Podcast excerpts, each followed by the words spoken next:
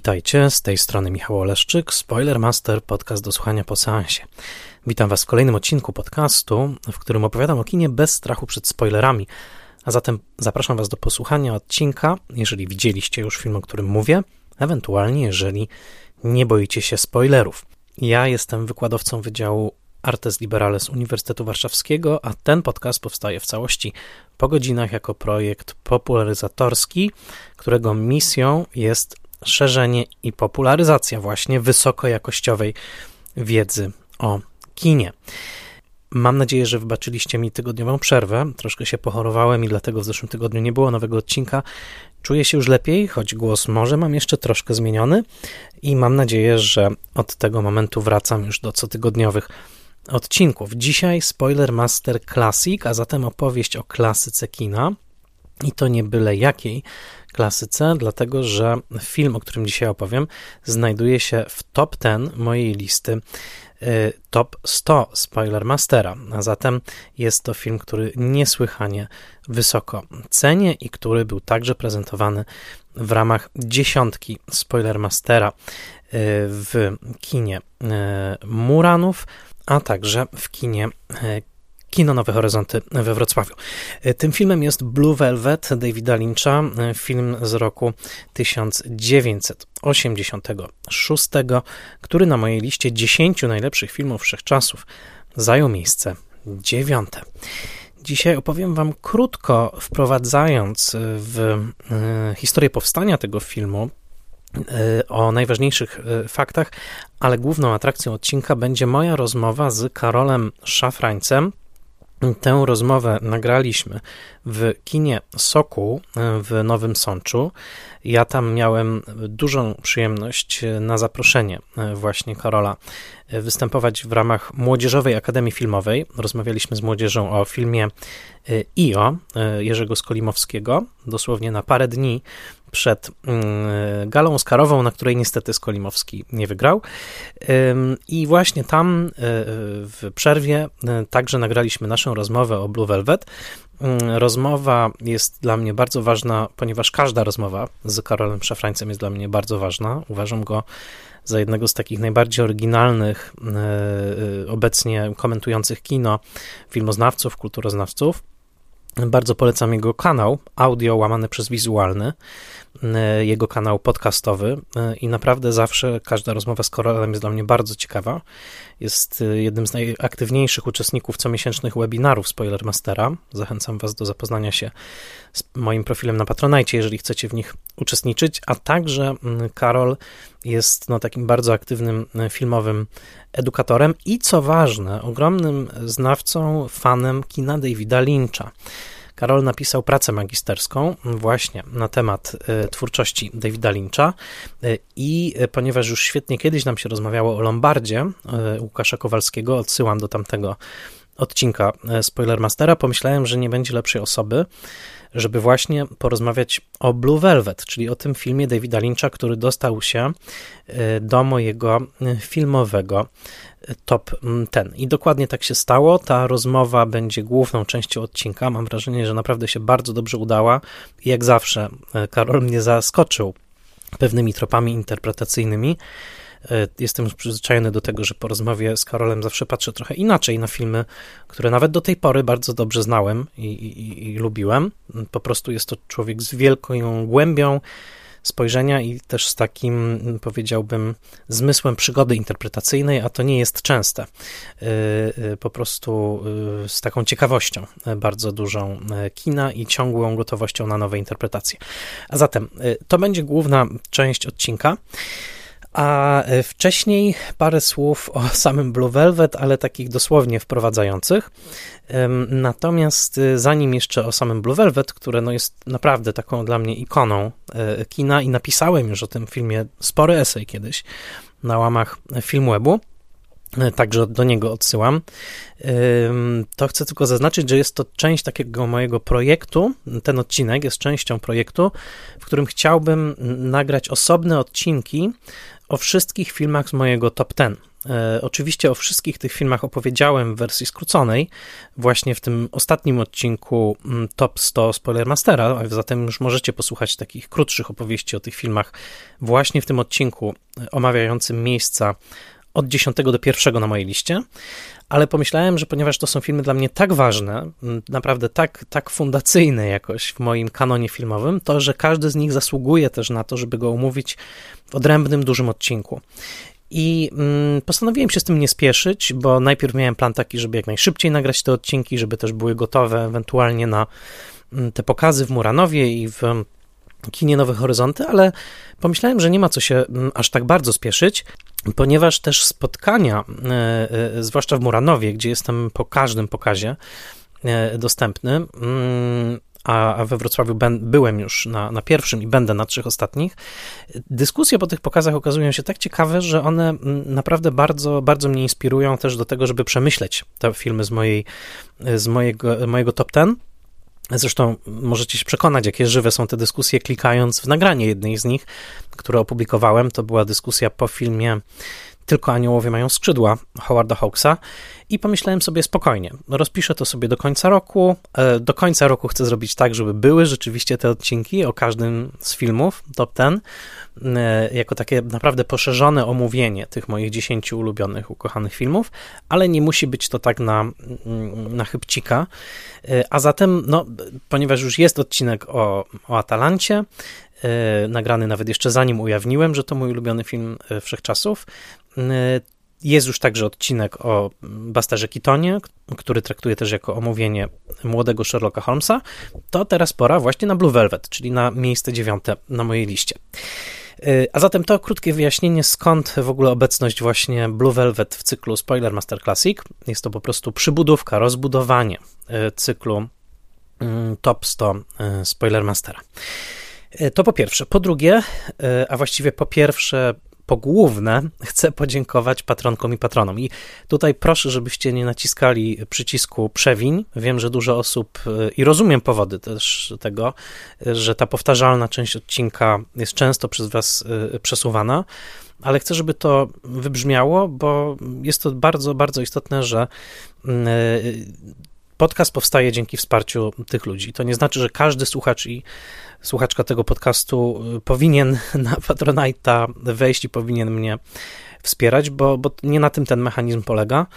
Y, chcę zaznaczyć wyraźnie. Odcinki są właśnie po to, żeby były darmowe, żeby każdy mógł ich słuchać i, i żeby te tysiące naprawdę słuchaczy Spoilermastera miało do nich szeroki dostęp, ale chcę też podkreślić, że tych odcinków nie byłoby, nie byłyby możliwe po prostu. Moja praca przy nich nie byłaby możliwa, gdyby z kolei nie wsparcie tych obecnie około 400 osób, które swoją hojnością E, sprawiają, że po prostu mogę nad tym, nad tym podcastem pracować, mogę poświęcać na niego czas i godziny. A zatem e, chcę bardzo podziękować, chcę powiedzieć też i zaprosić na profil patronite.pl łamane przez Spoilermaster. Zachęcam do rozważenia wsparcia, e, a szczególnie chcę podziękować moim patronkom i patronom imiennym, to znaczy Łukaszowi Daleckiemu, Agnieszce Egeman, Sebastianowi Firlikowi, Joannie i Dominikowi Gajom, Odjemu Hendersonowi, Beacie Hołowni, Adamowi Andrzejowi Jaworskiemu, Annie Jóźwiak, Tomaszowi Kopoczyńskiemu, Misiowi Misiowej i Misiowi Juniorowi,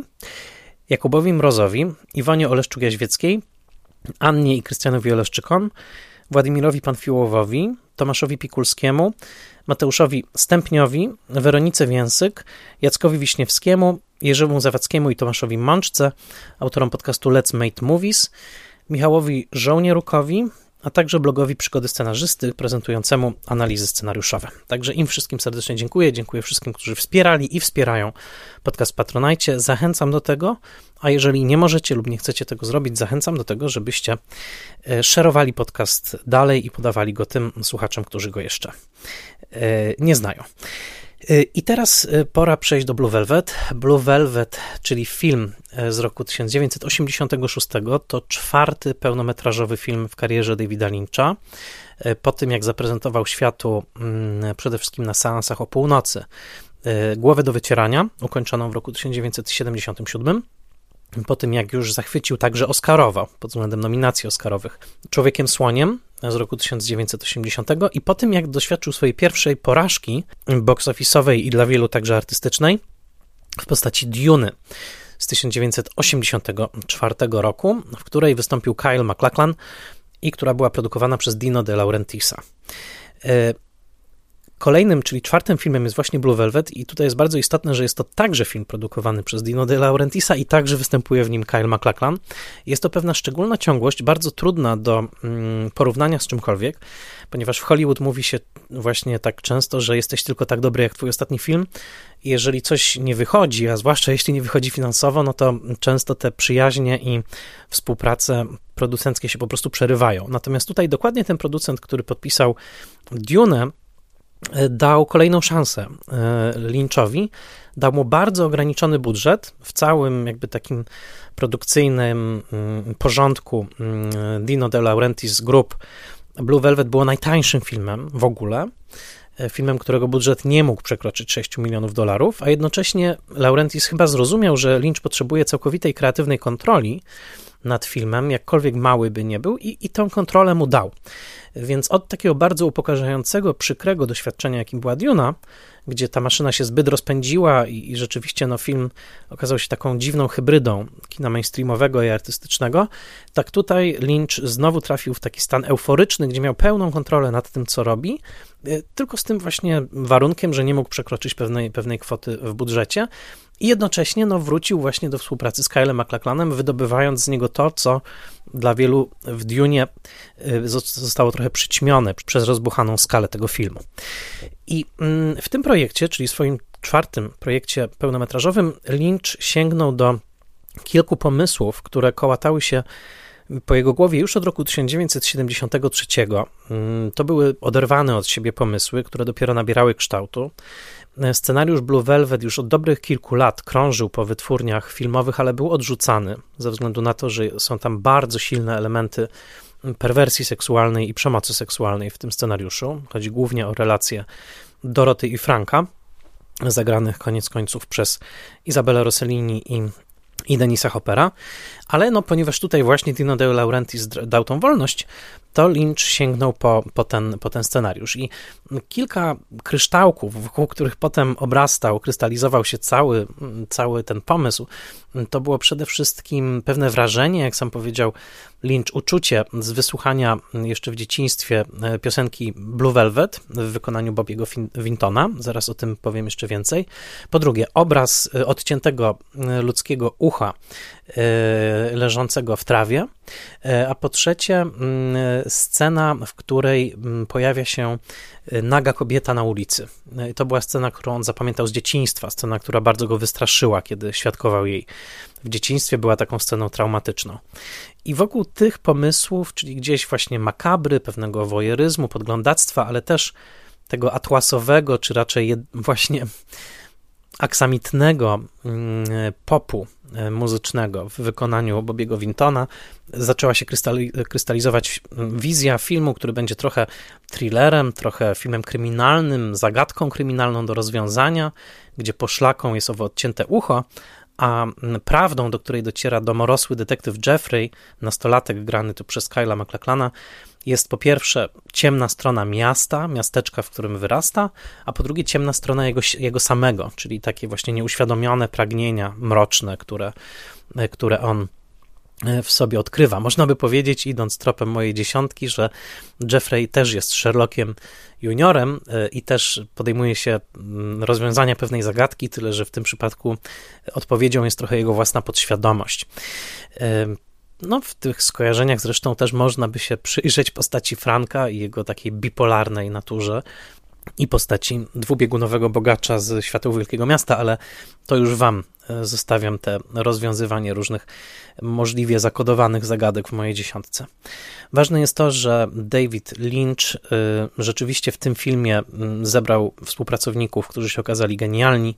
Frederick Elms zrobił zdjęcia, Angelo Badalamenti zrobił muzykę, efektami dźwiękowymi zajął się Alan Splett, jeden z najważniejszych współpracowników Lyncha y, i oczywiście cudowna obsada. O tych wszystkich elementach będziemy mówili za chwilę z Karolem i, i Karol też je bardzo ciekawie skomentuję. Ja tylko powiem jedno słowo o piosence, ponieważ o tym z Karolem nie zdążyliśmy porozmawiać za bardzo. Mianowicie owa piosenka w wykonaniu Bobiego Wintona, Blue Velvet, pochodzi tak naprawdę z 1951 roku. E, to jest piosenka, którą e, skomponowali Bernie Wayne i Lee Morris.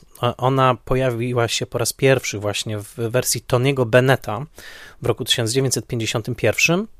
I w pewnym sensie no, jest to piosenka, jedna z piosenek dominujących lata, y, lata 50.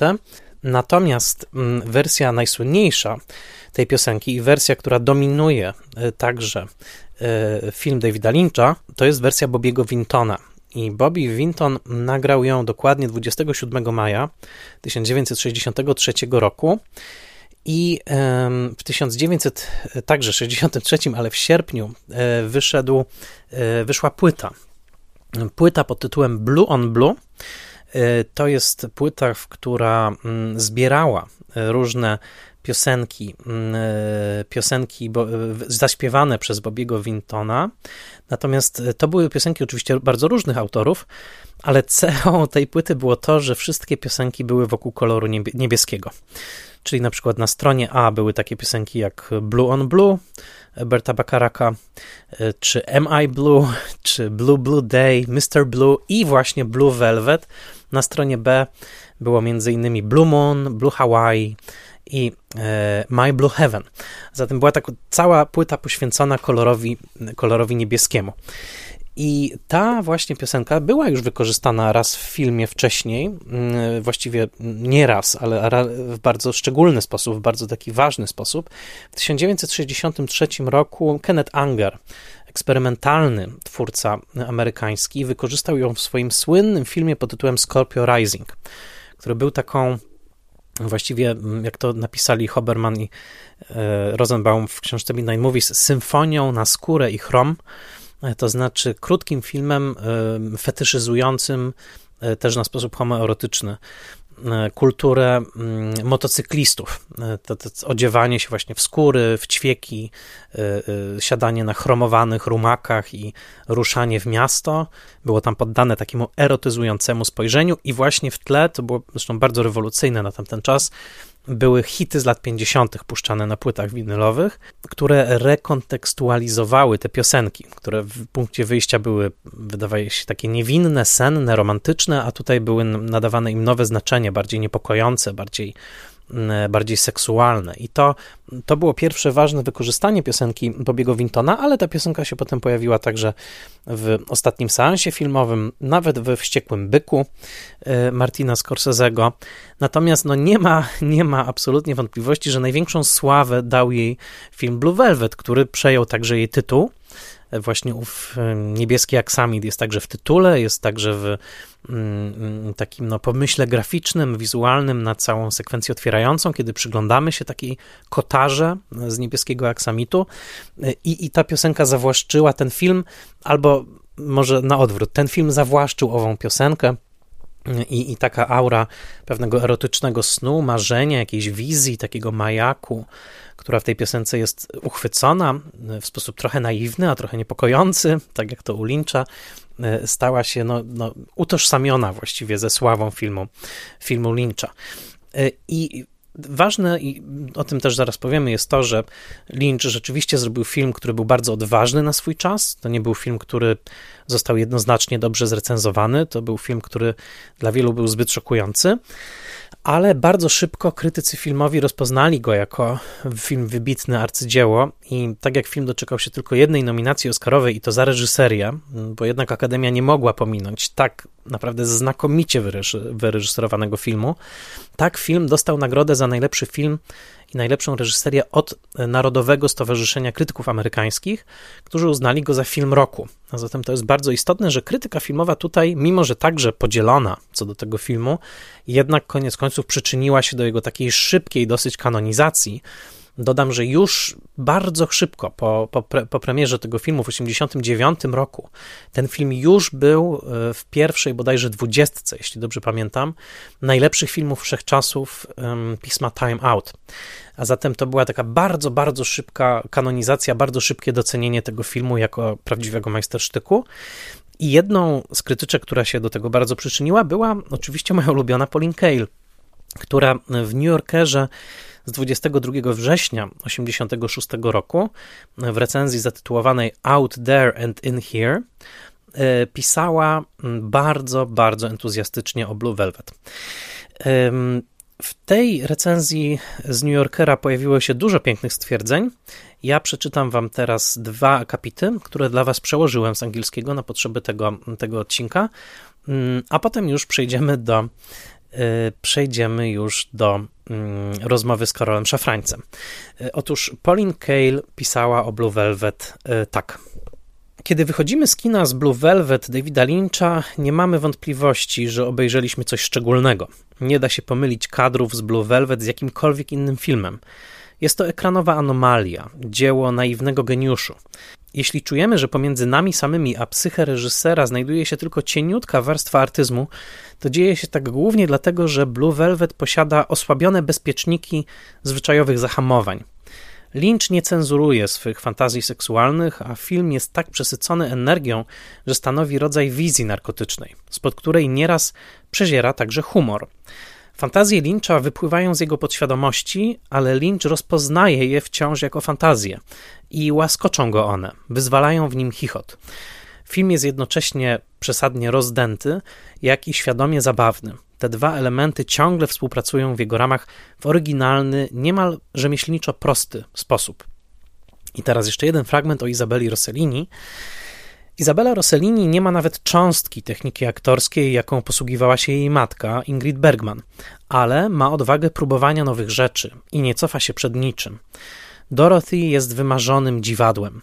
Kiedy chodzi po swoim przygnębiającym mieszkanku w czarnym staniku i majtkach, z niebieskim cieniem do powiek i w czerwonych szpilkach, jest samą esencją poobijanej przez życie kobiety z powieści groszowych. Ma w sobie tę mieszaninę luksusu i porywczości, właściwą bohaterkom opisywanym jako zniewalające, bewitching. Ma nawet dziurki od nosa, które portrecista mógłby wiernie oddać za pomocą dwóch czarnych kropek. Na korzyść Rossellini pracuje także jej akcent. Przydaje on Dorothy dodatkowej warstwy dziwności. Z kolei echa głosu Bergman w głosie córki pomagają umiejscowić zjawę, jaką jest Dorothy w ramach wspólnego królestwa fantazji. Rossellini ma też bardzo szczególną urodę. Nie ma w niej nic z nowoczesnej kobiety amerykańskiej. Kiedy jest naga, nic jej nie chroni, w przeciwieństwie do gwiazd, których ciała są przemocowo urobione do tak absurdalnej doskonałości, że nie zostaje im nic poza obnoszeniem perfekcyjnej muskulatury. Rossellini jest naga w sposób prawdziwie odsłonięty, dotykalny, niczym wcielony akt spod pędza ekspresjonistów. To też genialna intuicja, bo rzeczywiście ten akt Dorothy w filmie może się kojarzyć chociażby z malarstwem Egona Schillego i nie tylko. Y, to dwa cytaty z Pauline Kael, y, a teraz już pora przejść do mojej rozmowy z Karolem Szafrańcem, a zatem zapraszam Was do tej przygody, gdzie, no właśnie, y, jeden z moich ulubionych mm, komentatorów, popularyzatorów, filmoznawców dnia dzisiejszego w Polsce dzieli się swoją, swoim doświadczeniem obcowania właśnie z filmem Blue Velvet i jestem, mam, mam duże przeczucie, że ta rozmowa się Wam bardzo, e, bardzo spodoba. A zatem e, przechodzimy do kina Sokół w Nowym Sączu i oto rozmowa, jaką tam nagrałem z Karolem Szafrańcem. E, jest już ze mną mój gość, Karol Szafraniec. Witaj, Karolu. Dzień dobry. Tym razem rozmawiamy mm, w Twoim miejscu, w którym bardzo aktywnie działasz. Powiedz, gdzie rozmawiamy dokładnie. Rozmawiamy w kinie Soku w Nowym Sączu, czyli w moim rodzinnym mieście. Jesteśmy w przededniu spotkania z młodzieżą licealną, gdzie będziemy rozmawiać nie o linczu, tylko o IO. I dla tych, którzy będą słuchać w przyszłości tego podcastu, warto pamiętać, że to jest dwa dni przed rozdaniem Oscarów i być może IO tego Oscara dostanie i zobaczymy też, jak liceistom będzie się podobać.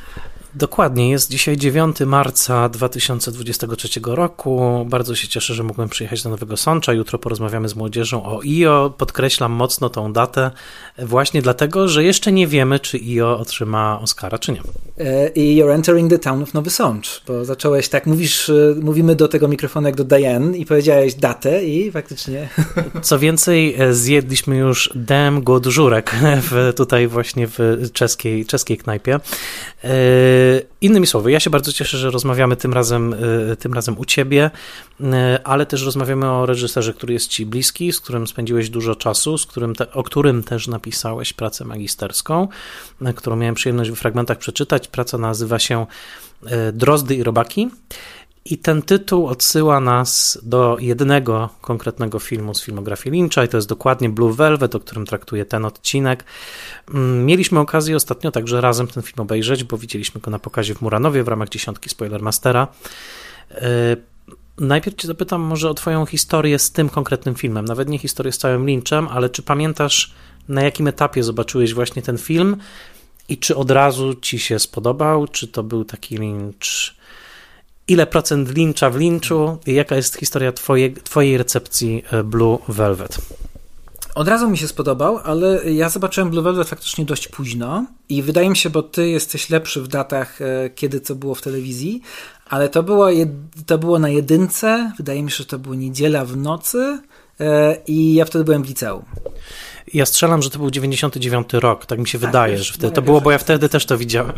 No właśnie, no to wtedy, wtedy chyba wiele osób to widziało. W Pan and Scan dodajmy, a ten film jest bardzo szeroko ekranowy i jednak był trochę okaleczony tą wersją. E, był okaleczony, natomiast e, ja byłem już w takim specyficznym czasie, że już tego Lyncha trochę znałem. E, niewiele filmów widziałem paradoksalnie, ale dużo o Lynchu czytałem, książkę właśnie, wywiad z nim widziałem, czytałem. Wydaje mi się, że widziałem wtedy, tak, na pewno widziałem już tą historię, bo ona była wcześniej w kinach. E, I widziałem Zagubioną autostradę, więc to jest chyba mój trzeci film Lyncha, który zobaczyłem. Ale co ciekawe, bo ty mówiłeś w swoim podcaście o tym, że to jest film, który może przerazić młodych widzów i być może to jest jeden z tych filmów, które młody człowiek nie powinien oglądać. Ja, ja byłem do niego troszkę przygotowany przez to, że o nim wiele przeczytałem i pierwszy raz trafiłem na ten film w jakimś dziwnym dokumencie, który kiedyś był w TVP w nocy o erotyzmie w Hollywood i erotyzmie w, epoce, w latach 80., w epoce mhm. Reagana.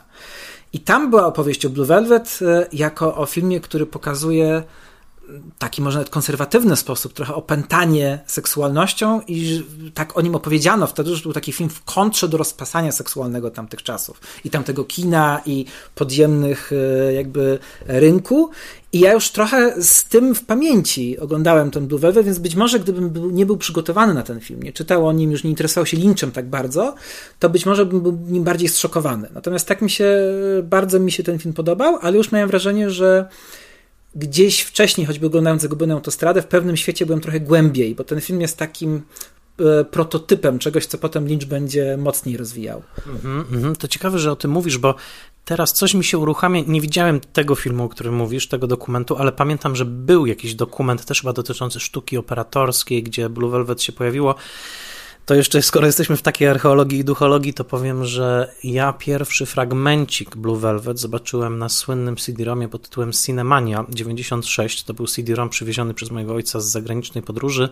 CD-ROM, który był taką encyklopedią filmową i tam w sumie na tym CD-ROMie może było 10 klipów filmowych z różnych filmów. E, między innymi z doktora Strangelove i jednym z tych klipów było właśnie to słynne otwarcie Blue Velvet z piosenką Blue Velvet, które aż do, do, do momentu, kiedy kamera wchodzi pod poszycie trawy i widzimy te, te robaki. Ale to, to, to tyle tej duchologii, że tak powiem. Natomiast później widziałem ten film kil, kilka razy. E, tak, podtrzymuję to, co powiedziałem. Uważam, że jest to film mocno szokujący na swój sposób też zabawny, zaraz o tym powiemy, tak jakby o tym miksie, miksie humoru, i, ale może się uczepię tego, co ty powiedziałeś, czyli tego, tego cudzysłów konserwatyzmu tego filmu, bo trochę zapominamy, że on powstał w sednie, w centrum tej epoki Reagana, 86 rok, to jest naprawdę dokładnie połowa, apogeum tej dekady. Rok wcześniej mamy Marty'ego McFly'a w Powrocie do przyszłości, wciąż na ekranach szaleje w różnych formach e, Indiana Jones. Czy w jakimś sensie ten film się w ogóle w to wpisuje, w ten reganowski, konserwatywny moment? Tak teraz na, na, na razie to, to ci zarzucam. Ja myślę, że to jest y, wieloaspektowe i zmienia się to troszkę w zależności od tego, w którym momencie czytamy na przykład badaczy Lyncha. E, że w różnych czasach różnie na ten, na ten aspekt patrzono. Ja myślę, że wtedy niektórzy uważali, sam Lynch zresztą, gdzie niegdzie mówił o tym, że nie jest e, tak liberalny jak typowy przedstawiciel kontrkultury amerykańskiej. On miał taką wielką okres wielkiej fascynacji rock'n'rollem, ale on się nigdy nie wpisał ani w ten taki bardzo radykalny underground, radykalny obyczajowo. Nie, nie, mógł robić kino bardzo radykalne formalnie, ale nie był na przykład jako człowiek Kennethem Angerem czy kimś tego typu był boy scoutem, e, był kimś też e, takim bardzo zwykłym na pewnym poziomie, takim zwykłym Amerykaninem z prowincji, a jednocześnie jakby w środku buzowało bardzo wiele rzeczy, a był też ekscentrycznym artystą i ta, ta taka mm, walka gdzieś tych dwóch żywiołów też w jego, i w jego osobowości chyba, w jego twórczości jest obecna. Natomiast był taki okres, kiedy e, uważano, że Lynch jest raczej konserwatywny. Myślę, że wtedy, kiedy jednak teoretycznie to była epoka konserwatywna od strony promowanych przez Reagana wartości, a zarazem seks był bardzo instrumentalnie traktowany w kinie też, jako ozdobnik, nagość, e, jako taka atrakcja, która przyciągała i, to, i ten seks był bardzo taki w mainstreamie po prostu to myślę, że nagle wtedy e, wpuszczenie filmu, który pokazuje jakiś ciężar seksualności, takiej wyzwolonej seksualności, że to się wiąże z czymś problematycznym, że to może człowieka opanować w taki zły sposób, że co Lynch we wszystkich latach od tamtego czasu mówi, że, że, że, że to jest film o tym, że seksualność też się wiąże z przemocą, z władzą, że ona ma w sobie ten czarny wymiar, no to wtedy to mogło być tak odbierane. E, ta kontrkultura antyreganowska właśnie szła w takie e, radykalne przekraczanie tabu. Więc jakby, a z jednej strony ten seks był mainstreamowany jako komercyjny produkt, albo był właśnie jako coś takiego, co miało radykalnie wykraczać e, i burzyć tak, tą konserwatywną moralność, a Lynch wychodzi z czymś zupełnie innym. Mhm. Ale z dzisiejszej perspektywy, no to wydaje mi się, że on był bardzo pokazywał wieloaspektowość po prostu tego, czym seksualność jest.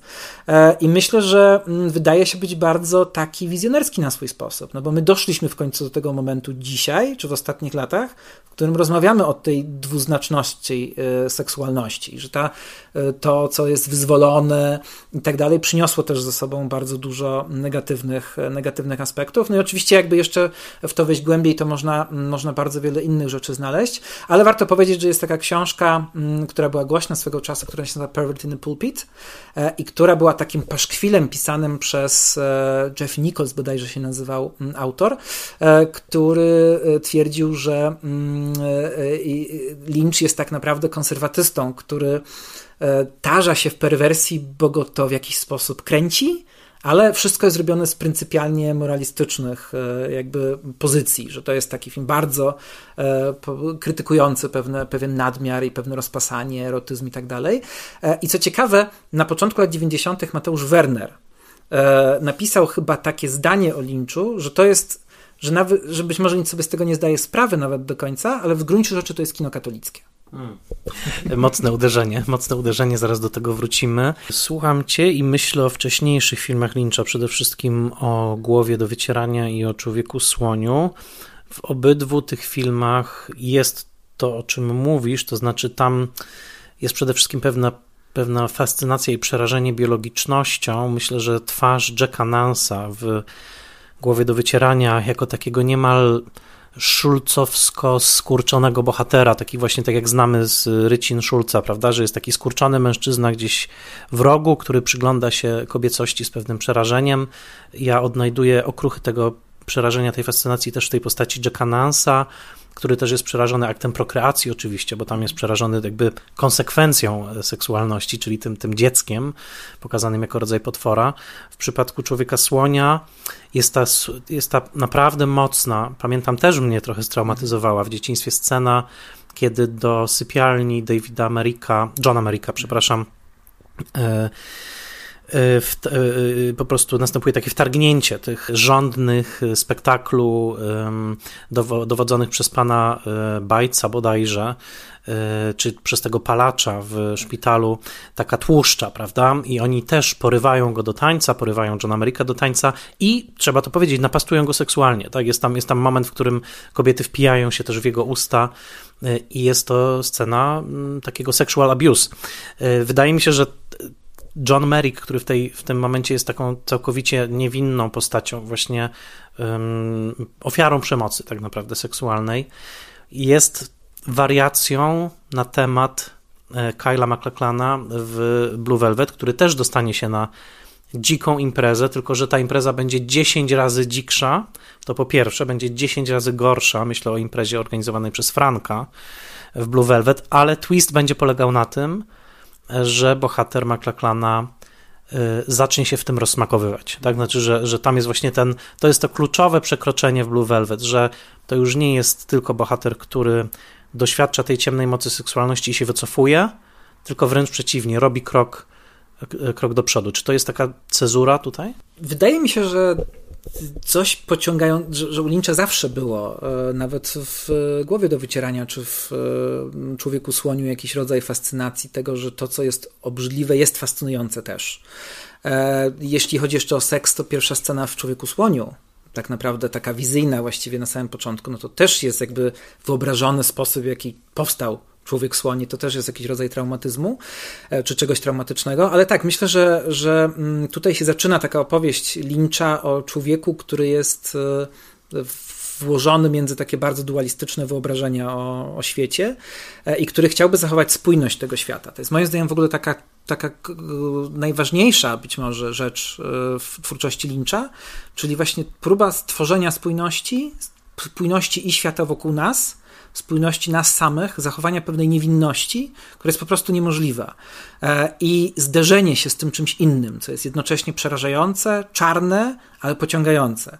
To, że się przekracza to właśnie, tak jak mówiłeś, ten, ten próg, jest związane ze stratą. A strata to jest taki drugi, jakby wydaje mi się, ta zachowanie, próba zachowania spójności, a drugi temat strata, e, czy związana ze śmiercią, czy związana z, właśnie z rozpadem tej spójności, no to to jest taki ważny e, temat filmów Lyncha i to ta strata powoduje traumę. E, I ta strata niewinności u Kyla McLachlana polega też na tym, że on w sobie odkrywa to, czego nie chciałby w sobie odkryć.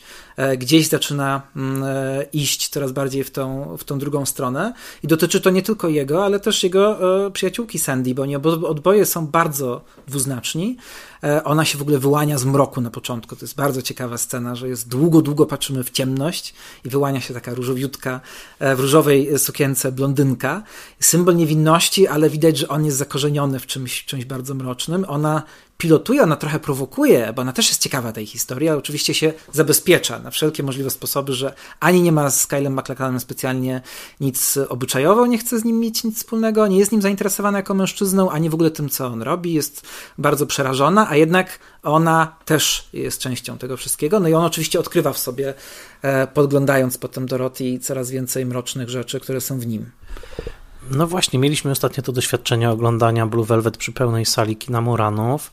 E, w momentach tych dialogów pomiędzy Sandy i Jeffreyem, kiedy oni, e, nie wiem, sączą milkshake'a, prawda, w dinerze albo są w kabriolecie, ona w tych właśnie swetereczkach, prawda, on w swoich koszul, koszulach e, w kratkę, publiczność często chichotała. To są dialogi właśnie które wydają się wyjęte wręcz z jakiejś detektywistycznej powieści dla młodzieży, prawda? Sandy mówi do Jeffreya, e, you're crazy, tak? Jakby nie, nie idź tam, prawda? Co myślisz, że się tam wydarzyło? To dosłownie, no, był taki cykl o małej de pani detektyw, dziewczynie detektyw Nancy Drew i wydaje się, że to jest trochę z takiej po poetyki. Mm, ale właśnie fakt, że gra to Laura Dern, wydaje mi się takim genialną intuicją obsadową. Oczywiście wtedy ona jeszcze nie miała tej późniejszej swojej historii, ale tak cię zapytam, co dostrzegł w, Lau w Laurze Dern Lynch oczywiście później to rozwinął też, myślę o Dzikości Serca i Inland Empire, ale co ci się wydaje, że dało Laurze Dern przepustkę do tego, żeby stać się częścią lynchowskiego świata? Ja myślę, że i u Lory Dern, i u Kyla McLachlana y, on dostrzegł taką, jak, jakiś rodzaj wyrazistości, który jest w ich twarzach, ale ta wyrazistość i w twarzy, bo oni są trochę podobni w pewnej ekspresji, czy pewnej nadekspresji. Niby są, on jest brunetem, ona jest blondynką, ale jest w ich twarzach coś takiego i to było też widać w reakcjach e, na pokazie w Muranowie, że one mają w sobie taką aż do przesady rodzaj niewinności, takiej jakiejś dobroci, takiej naiwności, ale to się przeradza w pewien grymas, który kryje w sobie coś niepokojącego. Myślę, że, y, że Lynch troszkę patrzył na te twarze tak jak na twarze patrzył jego idol Fellini.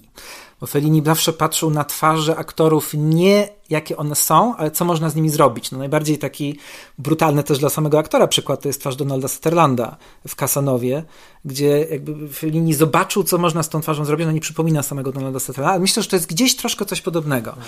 Że, że Lynch zauważył zauważył i w osobo ich osobowościach też coś, co, co, co z tymi twarzami się łączy. To jest też e, ciekawe, że on ich ze sobą poznał, że oni ze sobą zaczęli spędzać dużo czasu. Ostatecznie to jest taka jakby tabloidowa ciekawostka, no ale ten film stworzył dwie pary, e, Davida Lyncha i Izabeli Rossellini i też parę faktycznie Kyla McLachlana i Laurie Dern na chwilę. Mhm. Więc to gdzieś zadziałało też na jakimś poziomie pozafilmowym, że on gdzieś miał jakiś, jakiś, jakiś, jakiś jakiegoś nosa, E, I wydaje mi się, że, ale, ale tak, że, że on patrzył na te twarze jak malarz i zobaczył, jak one się zmieniają, e, jak one w sobie kryją dużo e, czegoś pięknego, ale jednocześnie czegoś niepokojącego. Aż się boję zapytać, z kim, że tak powiem, po tym filmie wylądował Denis Hopper, ale do tego zaraz dojdziemy. Natomiast masz rację jest coś malarskiego w potraktowaniu tych twarzy i był też moment, który dla mnie jest arcylinczowski, a jednocześnie publiczność go powitała śmiechem na naszym pokazie.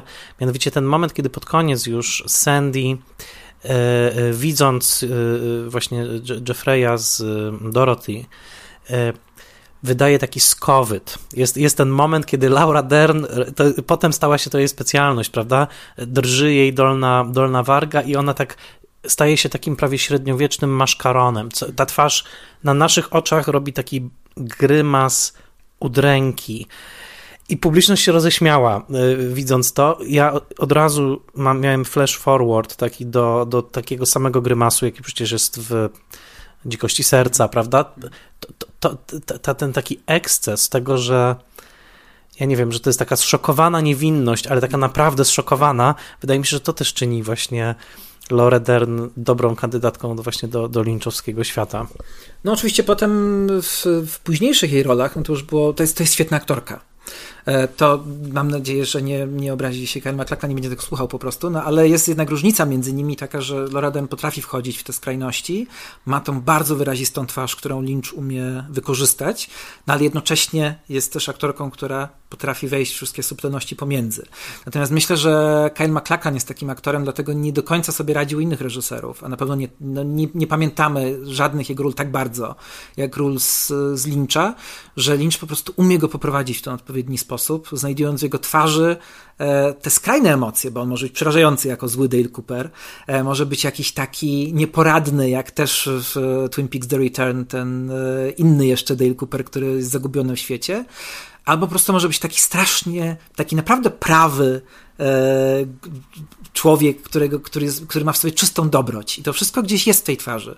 I to wszystko gdzieś naprawdę w niej potrafi zaistnieć, a Lynch potrafi tym w odpowiedni sposób e, manipulować. E, no ale myślę, że, mm, że e, Lynch znalazł też w tej twarzy Kyla MacLachlana coś z samego siebie. To znaczy, że różne wątpliwości, różne skrajności, którymi, różne wątpliwości co do, co do życia prawdopodobnie, co do, nie wiem, moralności, e, które miał w sobie, gdzieś znalazł w nim. Dlatego tak bardzo go lubi, tak bardzo e, do niego wraca wracał, no i jednakże chyba najbardziej ikoniczną rolę z całej twórczości Lyncha, czyli rolę Dale'a Coopera właśnie, e, właśnie zagrał Kyle MacLachlan, no to jest ktoś, kto jest naprawdę, naprawdę dobry, a jednocześnie ma w sobie jakąś bardzo dużą ilość czerni. Myślę, że ważne jest jeszcze u Kyle'a MacLachana i Lory Dern to, że jednak jakkolwiek Lynch by nie psuł tych postaci, pokazywał ten ich e, mroczny, to, to że oni, ta twarz ma też w sobie coś bardzo smutnego, czarnego, to myślę, że zazwyczaj jednak on obsadza i Lore Derni McCrackena w rolach postaci, które chce ocalić.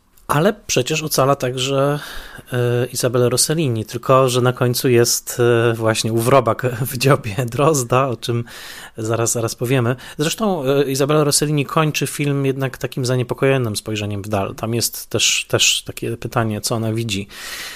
Chciałbym przyjrzeć się pierwszym pięciu minutom, bo uważam, że jest to jedno z najlepszych otwarć w historii kina i nie chodzi mi tylko o sekwencję małomiasteczkową, że tak powiem.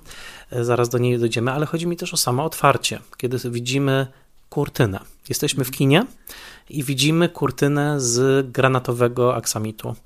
Słyszymy muzykę Angelo Badalamentiego, widzimy liternictwo e, czołówki, które jest pełne zawijasów, jest niemalże z jakiejś bardzo kiczowatej kartki z pozdrowieniami albo z jakimiś życzeniami świątecznymi. Jest w tym, jest w tym jakaś taka właśnie elegancja, ale trochę nawet przesadzona. I jeszcze nie słyszymy Blue Velvet, dopiero za chwilę usłyszymy piosenkę Blue Velvet. I chciałbym Cię zapytać o ten moment, bo trochę się ten, ta tkanina też kojarzy później z rozchylającym się szlafrokiem e, Izabely Rossellini, ale przede wszystkim o muzykę. Muzykę Badalamentiego i użycie piosenki Blue Velvet później. Jak patrzysz na użycie, bo wydaje mi się, że to było naprawdę rewolucyjne, jak użył e, Lynch tej słodkiej ballady. Mamy tutaj dwie różne rzeczy, bo mamy muzykę ilustracyjną Badalamentiego i mamy piosenkę. E, one w sensie chronologii filmu są w tej kolejności, którą wymieniłeś, natomiast piosenka była jedną z takich podstawowych inspiracji do powstania w ogóle filmu. Lynch działa trochę na takiej zasadzie, że on łap, jak on to używa tej metafory, łapie pomysły jak ryby e, i trzeba je właśnie trzymać się tej, tej, tej ryby i potem się zastanowić, co z tego wynika. I e, trzy takie rzeczy, czy dwie z trzech rzeczy, które zainspirowały w ogóle Blue na samym początku, to jest, to jest właśnie ta piosenka i ucho w ogóle idea ucha i dziury w uchu e, i że to ucho musi być na tle czegoś bardzo pięknego. E, I mm, więc piosenka gdzieś była wcześniej, natomiast faktycznie film zaczyna się od muzyki Badalamentiego i cała ta końcówka, ta, ta, ten, cały ten początek mnie się bardzo kojarzy Hitchcockowsko. Ja mam jednak wrażenie, że e, Blue Velvet jest najbardziej zakorzenionym w klasycznym kinie ze wszystkich filmów Lyncha.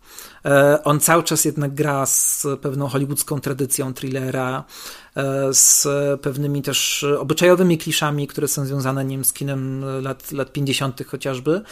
E, myślę, że to użycie muzyki, ono Badalamenti miał, tak sam powiedział e, Lynch e, kompozytorowi, żeby naśladował Szostakowicza, żeby to brzmiało jak Szostakowicz e, i on jakby w tym kluczu miał te, te, te utwory skomponować, ale jednak jest coś Hitchcockowskiego też w muzyce właśnie w tej, w tej scenie, a zarazem te wszystkie zawijasy, ten nadmiar takiego wyrafinowania właśnie mnie się kojarzy z czymś takim bardzo perwersyjnym. Znaczy mam, tak jak u Hitchcocka, gdzie mam wrażenie, że jest takie perwersyjne przerafinowanie i to już już budzi, już, już budzi jakiś rodzaj niepokoju, że to wszystko jest takie ładne, takie piękne, ale no, ta muzyka jest bardzo niepokojąca. Tonacja, w jakiej ona jest utrzymana, e, jakaś ta mm, miękkość tej zasłony, e, ale w połączeniu z tym wszystkim, no my wiemy, że to nie będzie film radosny i wesoły raczej. To, to, to prawda i to falowanie też tej zasłony jest takim, e, taką zagadką. Błękit tegoż aksamitu przechodzi płynnie w błękit nieba,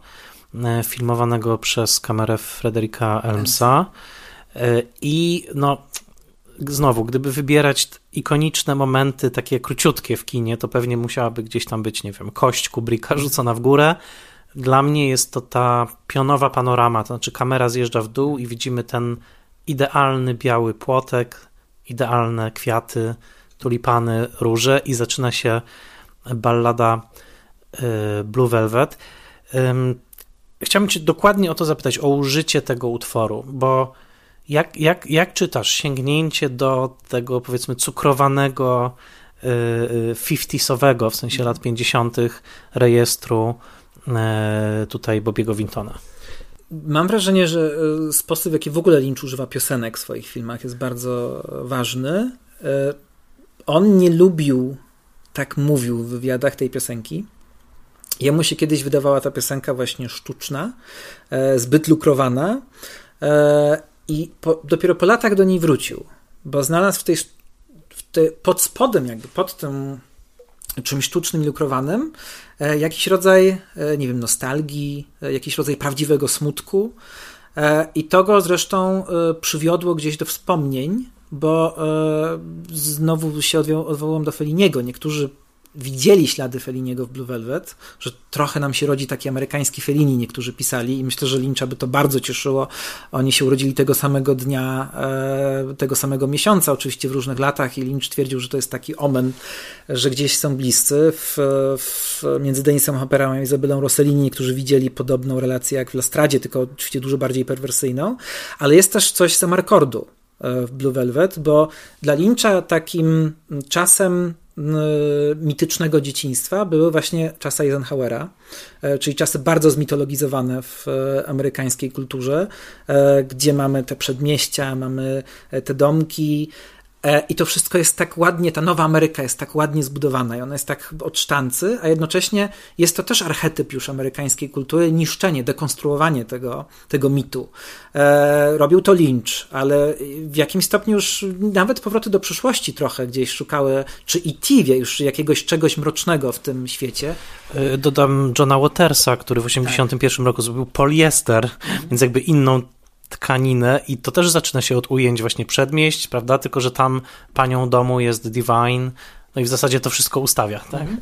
E, Lynch się wychował w różnych miastach, ale najważniejszym miastem, w którym on się wychował jako dziecko, było Boise, czyli Boise, czyli stolica Idaho. Okay. E, I to był, to był on, bo, bo to jest też e, takie miasto, które było stolicą stanu, ale jednak było prowincjonalne.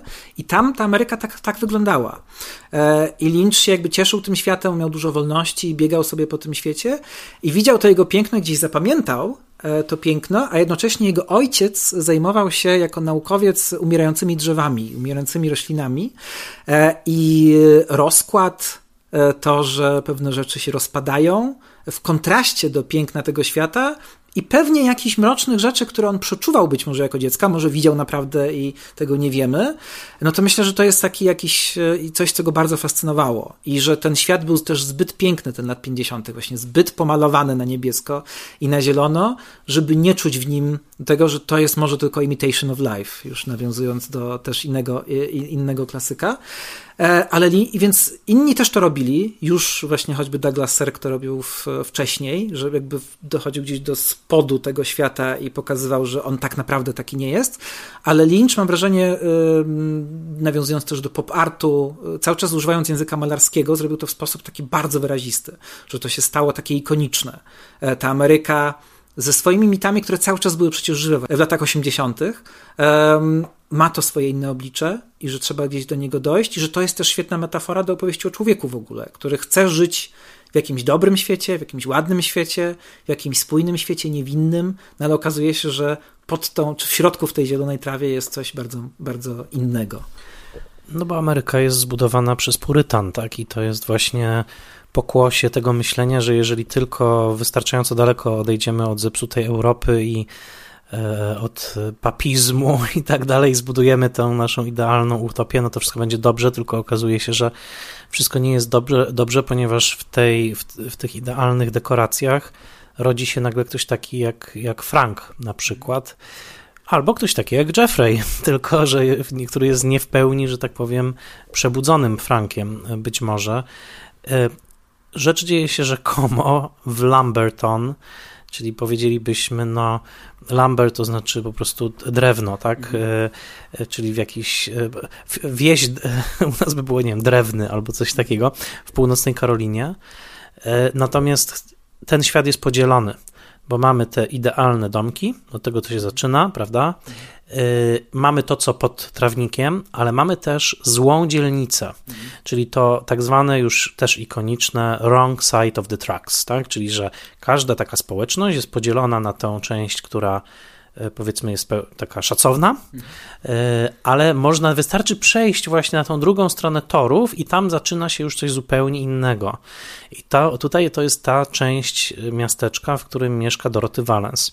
I teraz, jak oglądałem ten film po, po, ponownie, uderzyła mnie perfekcyjna kreacja tego zakątka, gdzie mieszka właśnie Dorothy Valens w tym budynku mieszkalnym, prawda, z, z tymi wejściami pożarowymi, e, w którym cały czas słychać jakieś takie przemysłowe echa, odgłosy, które są idealnie wykreowane przez Alana Spleta, czyli dźwiękowca Lyncha, który kreuje te, te, te dźwiękoświaty. Yy, też charakterystyczne, że wykreował je dla Londynu w Człowieku Słoniu, te takie właśnie jakieś pompy, prawda? Coś tam cały czas pracuje. Pytanie co? Czy to jest podświadomość Jeffreya, czy jakaś maszyna? Ale chciałem Cię zapytać o kreację tego świata, nie tych teraz pięknych przedmieść, bo mieszkanie Doroty i cały ten budynek uważam, że to jest jakieś arcydzieło kreacji, oczywiście osiągnięte mm, tanimi środkami, ale nawet kolor ścian w mieszkaniu Doroty trudno opisać, bo co to jest? brudny róż, czy to jest e, wnętrze naszej duszy? E, przyjrzyjmy się wizualnie właśnie temu zakazanemu Lamberton zanim wizualnie, to jeszcze o tym dźwięku może, bo, bo u Lyncha jest, jest taka niesamowita fascynacja industrialnymi i postindustrialnymi przestrzeniami. To jest podobno też coś, czym, mm, czym uwiedziono go, żeby nakręcił film w Łodzi. On ma obsesję na tym punkcie. E, industrialność e, ma w sobie właśnie coś przerażającego, coś mechanicznego, coś sztucznego, ale zarazem i to może łączy Lyncha z Wajdą i z Ziemią Obiecaną coś bardzo żywotnego że jest w tych wszystkich mechanizmach, w tych pompach jakiś rodzaj czegoś właśnie pociągającego, jakiejś energii, czystej energii i to wszystko, e, cała ta przemysłowość wiąże się z taką podstawową fascynacją Lyncha, która też dźwiękowo u niego się pojawia, czyli fascynacją elektrycznością.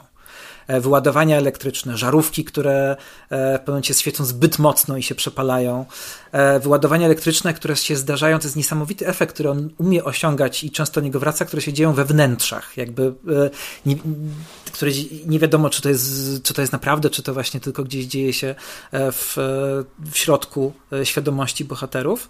E, ale właśnie te wszystkie rzeczy związane z industrialnością są przerażające, kojarzą się z czymś złym, mrocznym u Lyncha, ale właśnie zawsze są pociągające. Zawsze są być może jakaś esencja życia w nich gdzieś jest. E, jakaś tajemna energia rzeczywistości, która napędza wszystko wokół, ale ujarzmiona przez kulturę, przez człowieka, który próbuje nadać tej tajemnej energii rzeczywistości jakiś kierunek, jakiś charakter, ale nie potrafi tego ujawnić. Londyn jest cały takim organizmem e, w Człowieku Słoniu.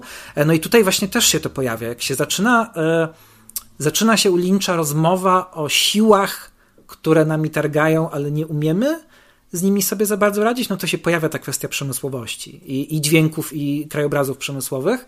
Natomiast kiedy mówimy wizualnie o mieszkaniu mm, Dorothy Valence, Lynch twierdzi, że e, mm, nie ukrywał nigdy, nigdy tego w wywiadach, że e, duża część e, tej sceny, bo to jest bardzo teatralnie filmowane, jak widzimy to mieszkanie na początku, no to widzimy je z perspektywy Jeffreya z szafy i nam się naprawdę to ustawia jak scena. A Lynch bardzo lubi w ogóle inscenizować takie sceny, takie teatry, w których przebywamy i czujemy się wtedy w kinie, jakbyśmy byli naprawdę w teatrze. To jest takie niezwykłe podwójne E, doznanie, że jesteśmy i w kinie oglądając film, i wewnątrz tego filmu jesteśmy w teatrze. Przed nami dzieje się jakieś, jakieś przedstawienie. Scena z Silencio na przykład w tak. Mulholland Drive. Ale już, już, od, już to się dzieje w, w głowie do wycierania. Już mamy występ e, pani z kaloryfera e, i zazwyczaj to, co jest najbardziej teatralne, czyli wydawałoby się najbardziej sztuczne, jest e, momentem dotknięcia samej prawdy. E, w tych przestrzeniach u Lyncha, też przecież w tych występach e, w Twin Peaks, takich przestrzeniach właśnie, tam jest jakieś zderzenie, tam się spotykają te różne warstwy rzeczywistości, e, z którymi bohaterowie sobie nie radzą, i tam jest jakieś przekroczenie, jakby gdzieś dojście na drugą stronę. Natomiast czysto wizualnie, to właśnie mm, Lynch mówił, że bardzo inspirował się Francisem Baconem.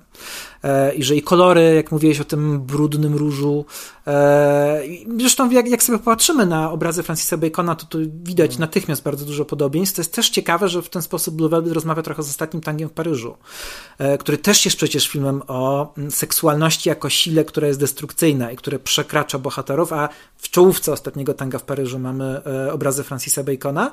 I nie tylko ta przestrzeń, te kolory, E, jest wzorowana na kompozycji obrazów Bacona, ale też podejście do ludzkiego ciała, zwłaszcza do ciała Doroty Valence i to pewnie też do tego za chwilę dojdziemy, jakie kontrowersje były związane z tą rolą, ale że Lynch chciał pokazać e, i ją, ale też myślę później w tych takich dziwnych scenach dekonstrukcji ciała złoczyńców, jako mięso, żeby podkreślić też to, że w ogóle nie tylko ten świat Lamberton jest piękny z zewnątrz, a w środku jest dziwny, brzydki, ale też ludzkie ciało w zależności od tego, z jakiego jakby perspektywy na nie patrzymy, no to może być piękne, może być pociągające, może być groźne, erotyczne, ale po prostu jest też mięsem. I to też jest aspekt, który lubimy wypierać.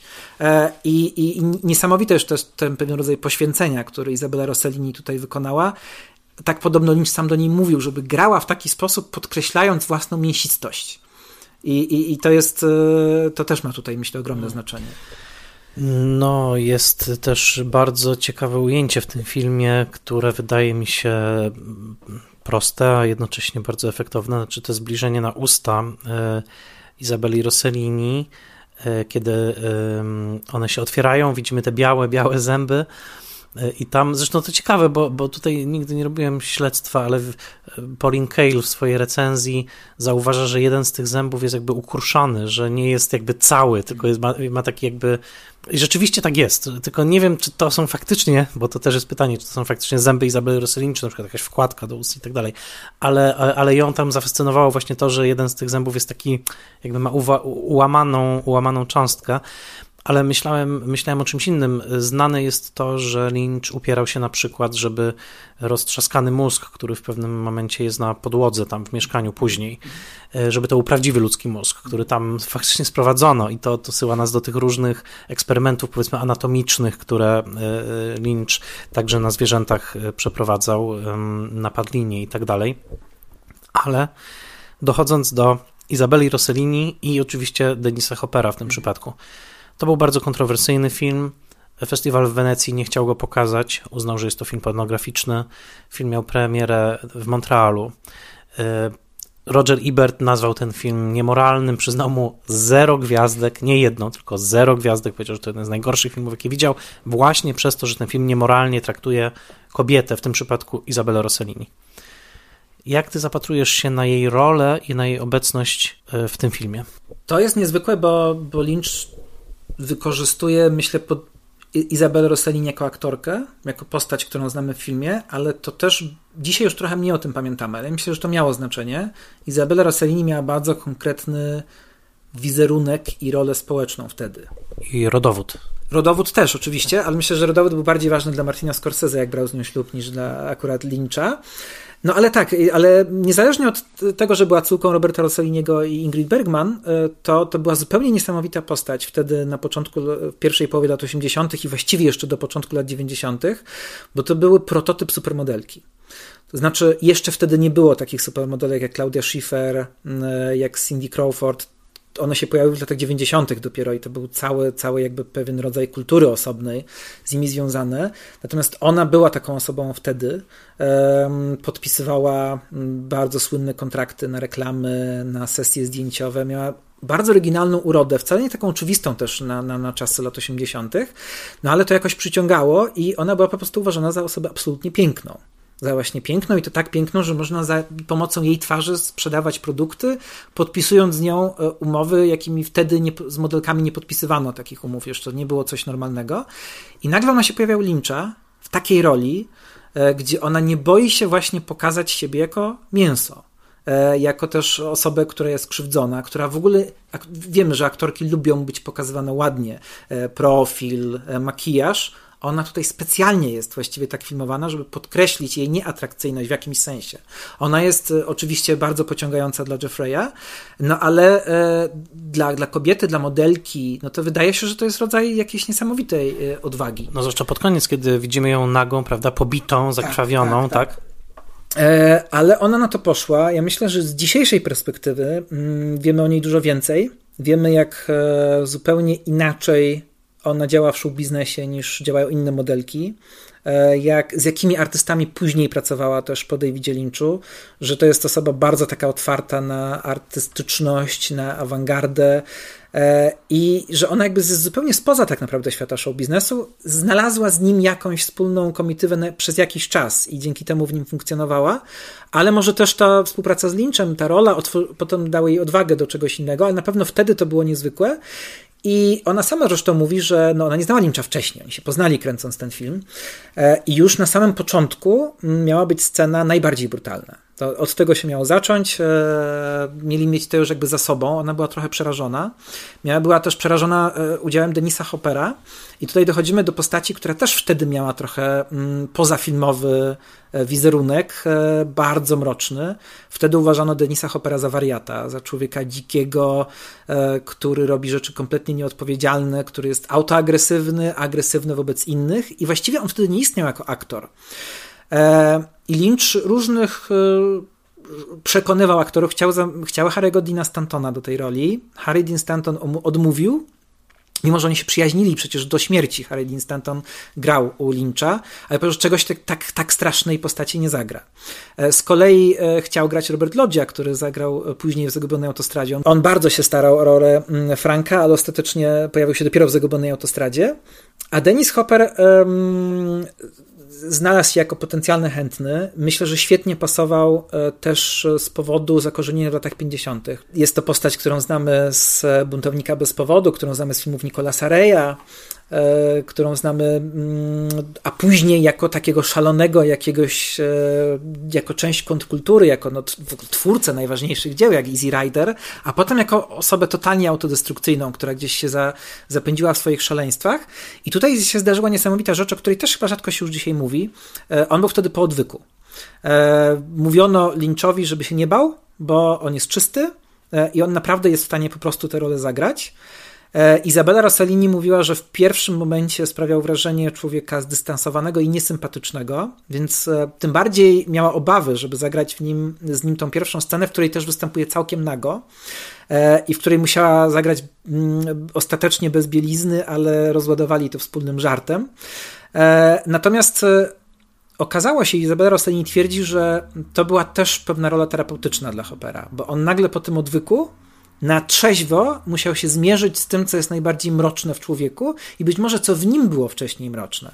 E, I ona nawet twierdzi, że być może później w jego życiu ta rola mu pomogła. Właśnie przez to, że jakby z innej strony spojrzał na, na, e, na, na, na, na te żądze, które też nim wcześniej jakby e, targały. Więc to jest kontekst, który był wtedy. I myślę, że on jest ważny, że mamy jakby zgruchotaną, zgruchotany symbol piękna, i takiego potwora, którego możemy zobaczyć w pełnej, e, w pełnej okazałości, który naprawdę jest strasznym potworem. E, ale oczywiście poza tym kontekstem mamy świetnie zagrane role. Bardzo wydaje mi się zniuansowana rola Izabeli Rossellini, gdzie ona pokazuje te wszystkie takie, no zupełnie nie hollywoodzka to jest rola. To jest przeciwieństwo też Sandy, która Laura Dern gra na takich bardzo wyrazistych na bardzo wyrazistej ekspresji twarzy, a e, cała rola Izabeli Rossellini jest oparta na subtelnościach tak naprawdę. Na, czasami, jest, nawet wtedy, kiedy jest bardzo taka mhm. afektowana, to jednak to jest bardziej przygaszone, te emocje, no bo ona już przeżyła tak dużo. Ona nie jest czystą kartą, tylko w niej jest, ona już nasiąknęła złem, jednocześnie to, co trzyma jej niewinność, to jest e, dziecko i ta chęć odzyskania dziecka, a z drugiej strony, i to też jest ważne, bo często interpretujemy Lyncha tak bardzo pesymistycznie, tak bardzo ciemno, czarno, a Lynch, e, wydaje mi się, zawsze szuka tego światła. Nawet jeśli tego światła jest mniej i ostatecznie ta ciemność się przykrywa, to to światło jest kluczowe w jego filmach.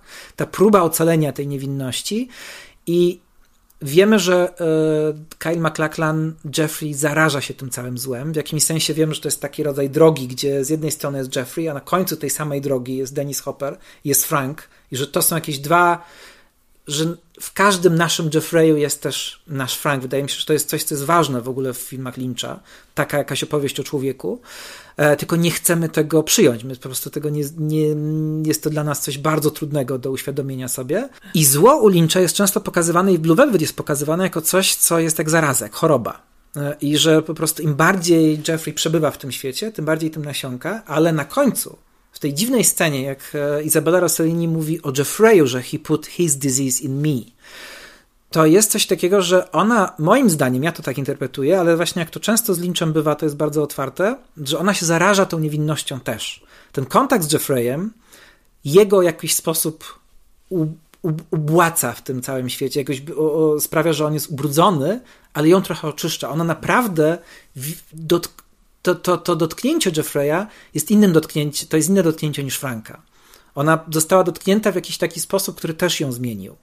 E, I jak ona to mówi do tej Sandy, to mam wrażenie, że ona mówi to w, w, taki właśnie sposób pełen jakiegoś dobra, które się w niej pojawiło dzięki temu zainteresowaniu Jeffreya, bo wtedy też widzimy, że to zainteresowanie widzieliśmy jako coś perwersyjnego, ale przecież jednocześnie jest to rodzaj opiekuńczości. On ją chce uratować. E, ale właśnie to wszystko jest takie bardzo niejednoznaczne. Ma to taki swój mroczny koniec i jasny. Ba, ba, bardzo mi się podoba to, to co mówisz, no, piszesz też o tym właśnie w pracy, o tym, że to zarażenie niewinnością. E, w pracy e, magisterskiej też przytaczasz Bruno Bettelheima i książkę mm, Cudowne i Pożyteczne, która była taką psychoanalityczną trochę analizą baśni, bajek i piszesz, że to jest też taka bajka, która zaczyna się jak wiele bajek od śmierci rodzica, tak? W sensie, że często tak bajki się zaczynają, prawda? Że nagle mamy no już powiem stereotyp, sierotkę Marysię, tak? E, I tutaj, no tutaj nie mamy co prawda tej śmierci, tak? No ale prawie. Ojciec jest sparaliżowany no i, i nagle nasz bohater znajduje właśnie coś mrocznego, magicznego, znajduje odcięte ucho, które spokojnie by się mogło znaleźć moim zdaniem w baśni braci Grimm na przykład, prawda? Gdzie było dużo takich makabrycznych elementów. Co do Hoppera mam wrażenie, że gdyby świat był sprawiedliwy, a Oscary szczere, to on musiałby dostać Oscara za tą rolę drugoplanową, tylko że nie ma takiej rzeczywistości, w której po prostu taką rolę Akademia by nagrodziła, y, to tak samo jak Izabel Iper mogłaby dostać Oscara za pianistkę albo Eric Roberts za Star 80. No, takie role, które zbliżają się do jądra ciemności, ale, ale których no, szacowna Akademia nie nagrodzi po prostu, bo są zbyt, zbyt, zbyt mroczne. Ale y, wracając do tej baśniowości i chciałem zapytać o Czarnoksiężnika z Krainy Oz w tym wszystkim, ponieważ wiemy już, ja czekam, jeszcze nie widziałem tego filmu, Lynch Oz, który pokazuje, że w całym Lynchu gdzieś jest Oz. E, tutaj mamy Doroty, czyli Dorotka. E, nawet pojawiły się, chyba wycięte z ostatniej wersji montażowej, czerwone buciki. E, Frank, autor książki Czarodziej z Oz, też ma na imię Frank, Frank Baum. Widzisz tutaj ten archetyp amerykańskiej kultury, jaką jest ta nadbaśń w postaci właśnie Dorotki z Kansas, która e, udaje się do Oz? Myślę, że, że, że o, o Czarnoksiężnika z Os można no, naprawdę faktycznie u Lyncha zobaczyć prawie wszędzie. Też nie widziałem jeszcze filmu, on będzie na, mm, w tym roku bo nagrywamy to w 2023 i za chwilę będzie Against Gravity e, Festival i tam będzie ten film w Polsce pokazany.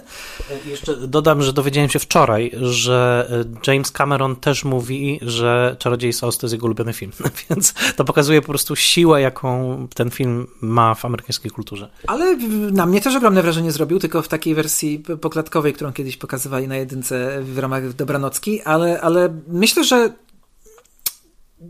Lynch jedną z takich tych podwójności, w których on jest, e, bo wiele jest tych podwójności, i te moralne, i to czerń, i, i znaczy mrok, i jasność.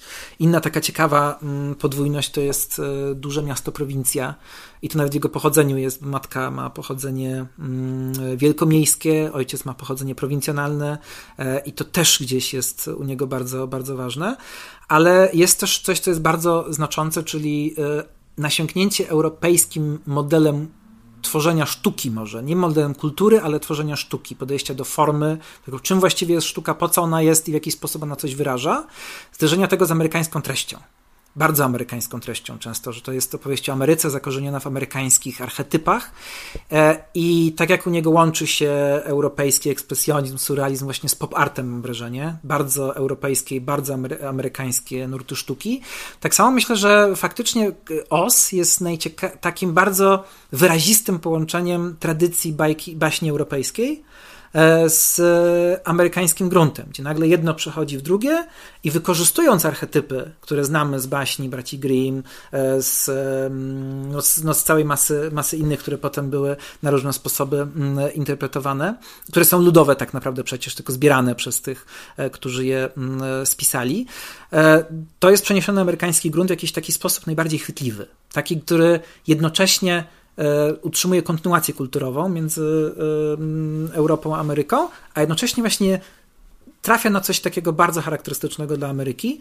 E, więc cały ten mechanizm typowo baśniowy pojawia się też tu. Możemy opowiadając o Czarnoksiężniku z Oz, mm, podjąć takie e, terminy, które się u Bettelheima pojawiają. Ja akurat tego Bettelheima użyłem jako jednego z przykładu. Chodziło mi raczej po prostu o to, że to jest baśniowość, że, że, że Lynch używa języka baśni, tylko bardzo mocno przetworzonego e, i właśnie przez Oz, przez kulturę amerykańską i potem przez jakieś rodzaje awangardy, ale no eksternalizacja na przykład, czyli to, że mm, rzeczy wewnętrzne, dylematy bohaterów są rozbite na zewnętrzne postaci e, i potem muszą się jakoś poskładać ze sobą albo nie poskładać. Że to, to, to przejście na drugą stronę lustra, przecież to też mamy w, w Alicji, ale to jest też coś o wiele starszego, ale to przejście na drugą stronę, gdzie w Czarnoksiężniku z Os mamy właśnie prowincjonalne amerykańskie miasteczko, e, potem jego wizja baśniowa to jest to samo miasteczko, tylko właśnie rozbite na różne postacie, na różne e, wątki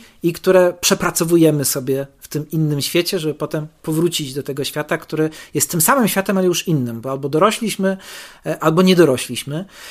I, I jeśli, jeśli można jeszcze ten wątek pociągnąć, bo mm, jak próbuję czasami taką gdzieś własną interpretację Lyncha mm, w prosty sposób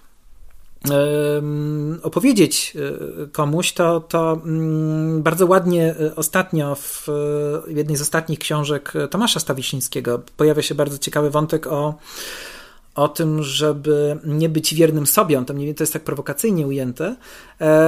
Ja się nie zgadzam z takim ujęciem tego tytułu, jakby, ale mm, to o co mu chodzi tam w środku, gdzie on nawiązuje do Junga, bo też jakby e, takie Jungo, jungowska interpretacja rzeczywistości jest bardzo blisko Lyncha, e, to Stawiszyński mówi trochę, pisze tam o tym, że u Junga i u innych tego typu myślicieli jest ta opowieść, że w naszym życiu też dzieje się taka eksternalizacja. Ona się dzieje wtedy, kiedy nie akceptujemy własnej wewnętrznej niespójności. My przeżywamy coś, albo wydaje nam się, że jesteśmy jacyś, na przykład, że jesteśmy dobrymi ludźmi, co może być bardzo zgubne. Lubimy budować sobie spójność naszego światopoglądu, że jest, mamy takie poglądy, jesteśmy tacy i tacy.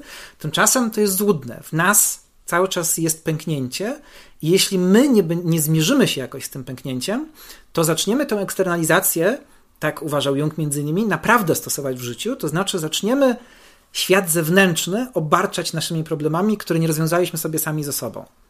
E, więc ta, ta baśniowość, która tutaj się pojawia, e, jest pewnego rodzaju metaforą, jest takim artystycznym środkiem do opowieści o człowieku, ale jednocześnie naprawdę bohaterowie Lyncha, tak mi się wydaje, mają taki problem, że chcieliby, żeby ten świat był taki prosty, że tu jest diabeł, ten, ten, ten ktoś w naszym miasteczku jest tym diabłem i on jest odpowiedzialny za całe zło, albo gdzieś wokół nas są jacyś dziwni panowie w garniturach jak w Malholland Drive, którzy robią różne dziwne mm, machloje, ale gdzieś na końcu musimy się zmierzyć z tym, że to jesteśmy my.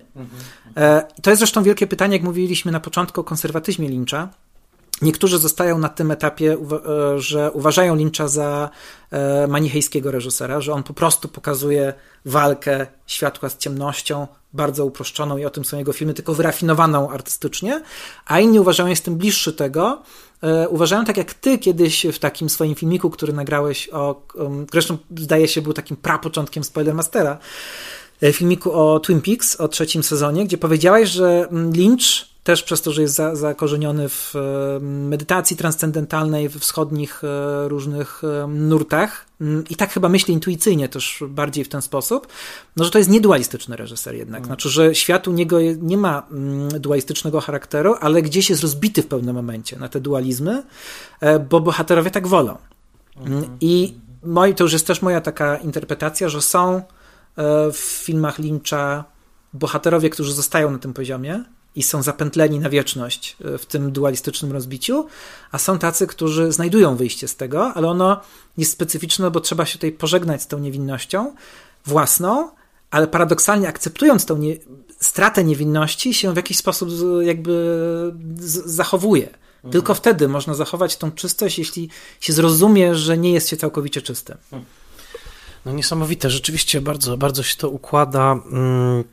Ja wiem tyle o Czarnoksiężniku z Oz, że e, poza tym, że też mnie jakoś ten film fascynował, ale na pewno nie tak jak Lyncha, e, że e, akurat Pauline Kael pisząc kiedyś przy innej okazji mówiła, że czytała książeczki z cyklu Oz swojej córce i dopiero kiedy czytała je na głos, to zrozumiała jakby na czym polega amerykańskość tych baśni. Mianowicie jej zdaniem, to była jej teoria, że Frank Baum pisząc te książki umieścił jakby w głosach tych postaci echa takich wodewilowych postaci z właśnie przełomu wieków, takich typów właśnie tam tego mechanicznego człowieka i, i że to po prostu są sceny z amerykańskiego wodewilu, że on zachował te melodie też różnych właśnie języków. Innymi słowy, że jest to świat wypełniony bardzo barwnymi osobowościami, tak jak e, Ameryka jest trochę taka, prawda, gdzie każdy prezentuje jakąś swoją osobowość, tożsamość.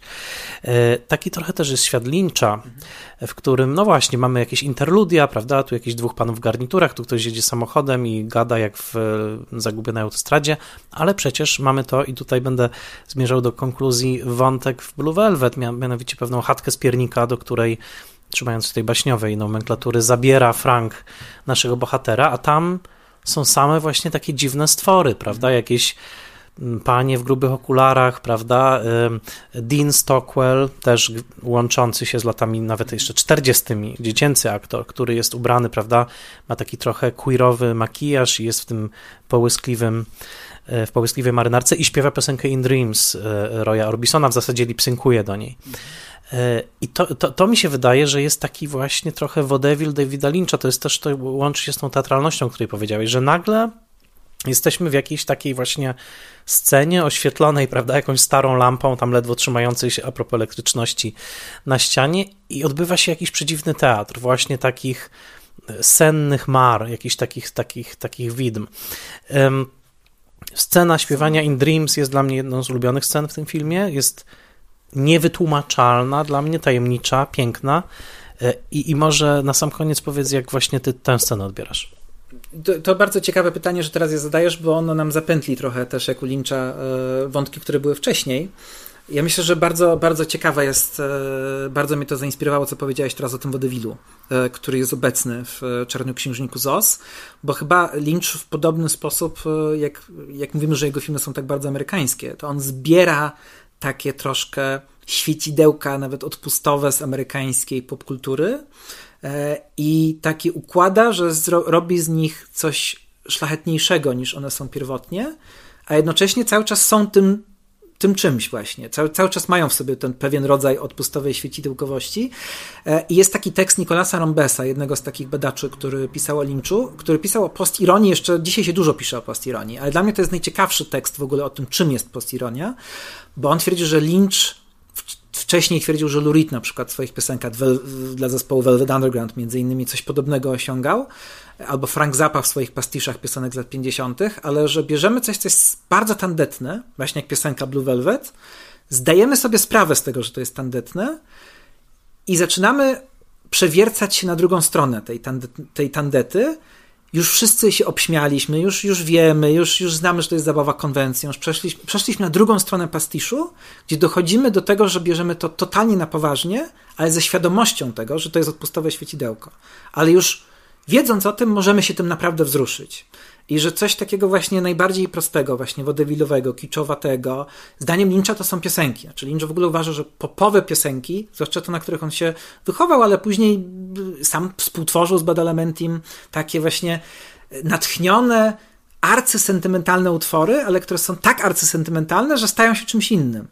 E, I, i, i myślę, że tutaj między innymi piosenka Orbisona tak zagrała. Ważne jest to, że e, akurat Roy Orbison w przeciwieństwie do mm, twórców Blue Velvet, bo to też nie jest, e, Blue Velvet miał różne wykonania i to, które jest w filmie, to nie jest pierwsze wykonanie, ale Roy Orbison to naprawdę jest ważny twórca dla Lyncha i Roy Orbison powraca między innymi Mulholland Drive, gdzie po w hiszpańsku jest śpiewany Crying, E, w tej kluczowej scenie w Silencio. I co ciekawe, Lynch jadąc samochodem, słuchając właśnie Crying Roya Orbisona, wpadł na pomysł wykorzystania In Dreams do Blue Velvet. Mm. Mimo tego, że to było Crying, to jednak In Dreams mu bardziej pasowało, bo to jest przecież film o tym, o, znaczy piosenka o tym, o czym są jego filmy.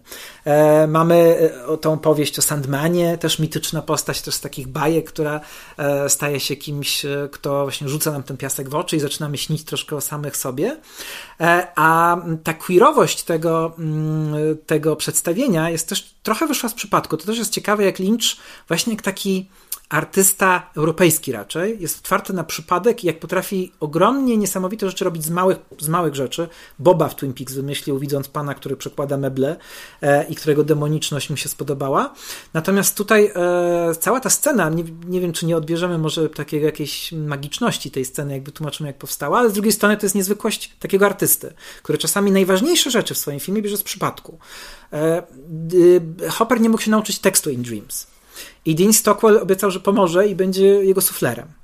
I w pewnym momencie, y, y, na próbie chyba jeszcze, doszło do czegoś takiego, że właśnie Hopper przestał śpiewać, a Dean Stockwell śpiewał dalej i Lynch stwierdził, że coś jest w tym genialnego.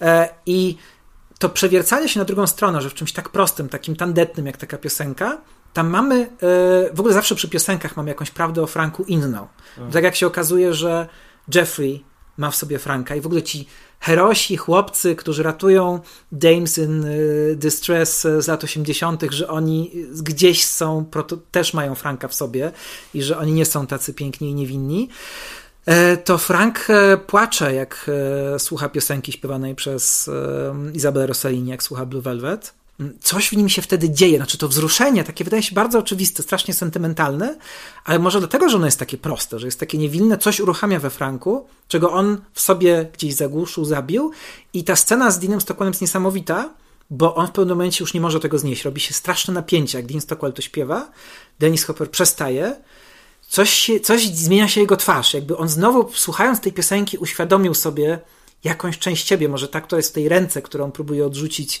gdzie patrzy na własną rękę w pewnym momencie w jednej scenie, tej scenie gwałtu, takiej brutalnej, gdzie to jakaś, ta ręka jest jak jakaś, jak może część obcego ciała, gdzie on sam się zastanawia, czemu jest taki zły mm.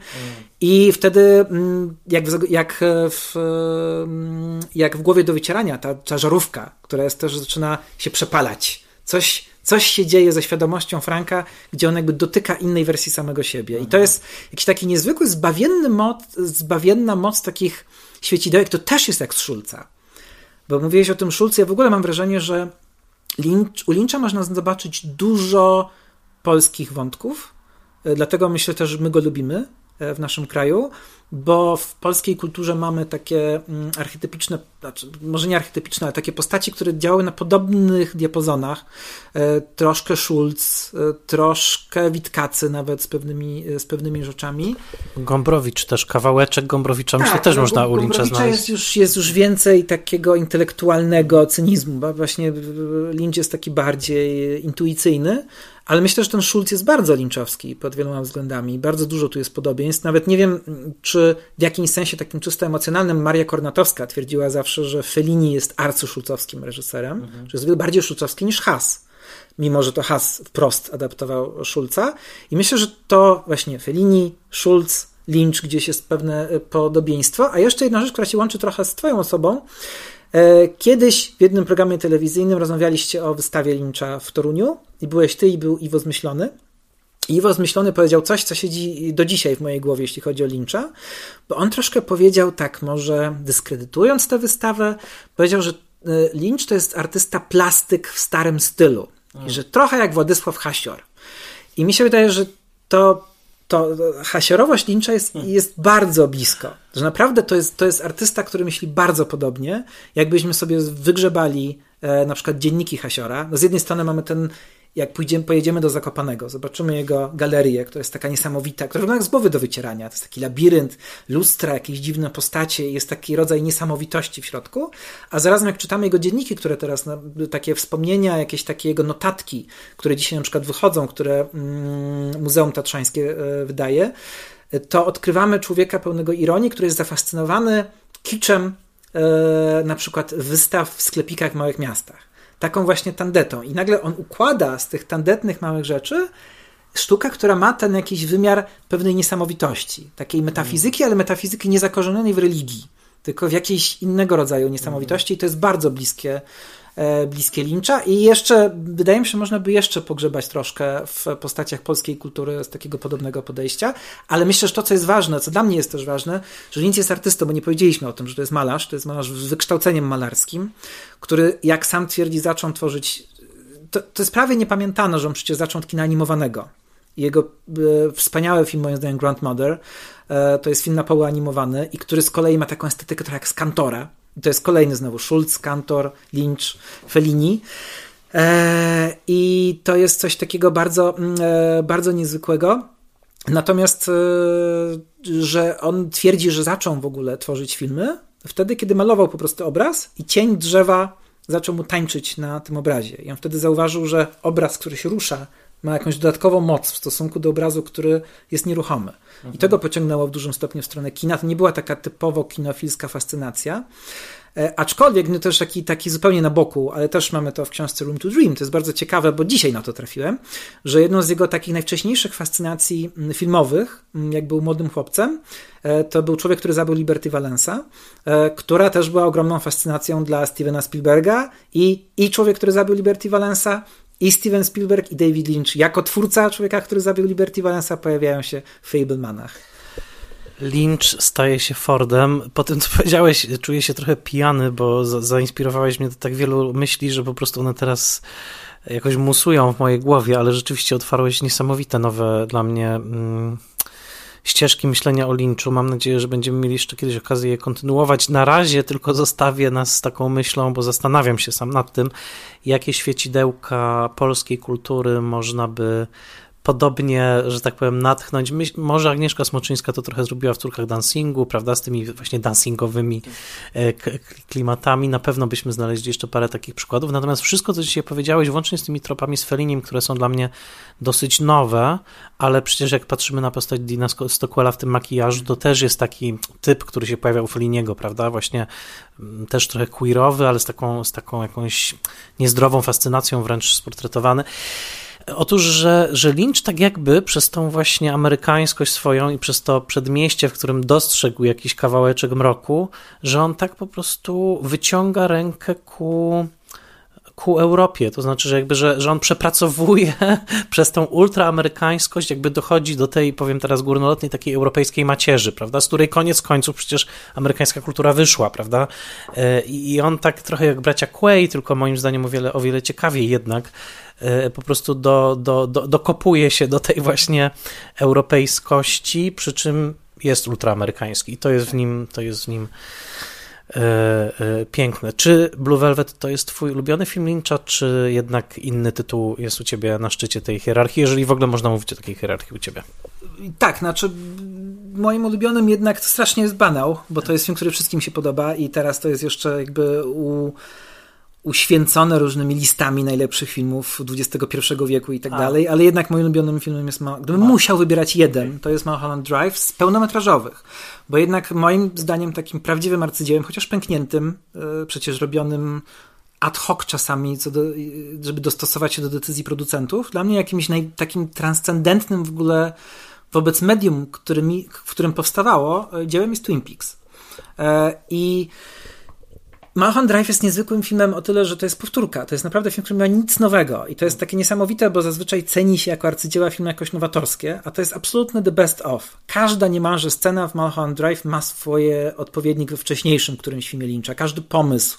To śpiewanie Crying Roya Orbisona właśnie, które miało przecież najpierw się pojawić e, w Blue Velvet, ale jakoś tak to jest wszystko tam ułożone, że to jest takie arcy, a też to powtórzenie może, bo to jest nagranie, potem odtwarzanie tego nagrania nawet ma jeszcze jakiś sens w mhm. obliczu tego filmu, ale też Lynch sobie zdawał chyba z tego sprawę, że robi taką sumę, bo potem już robił inne kino, że jakby przewiercał się jeszcze gdzieś w dalsze, bardziej takie e, już ryzykowne też, nie zawsze udane e, miejsca.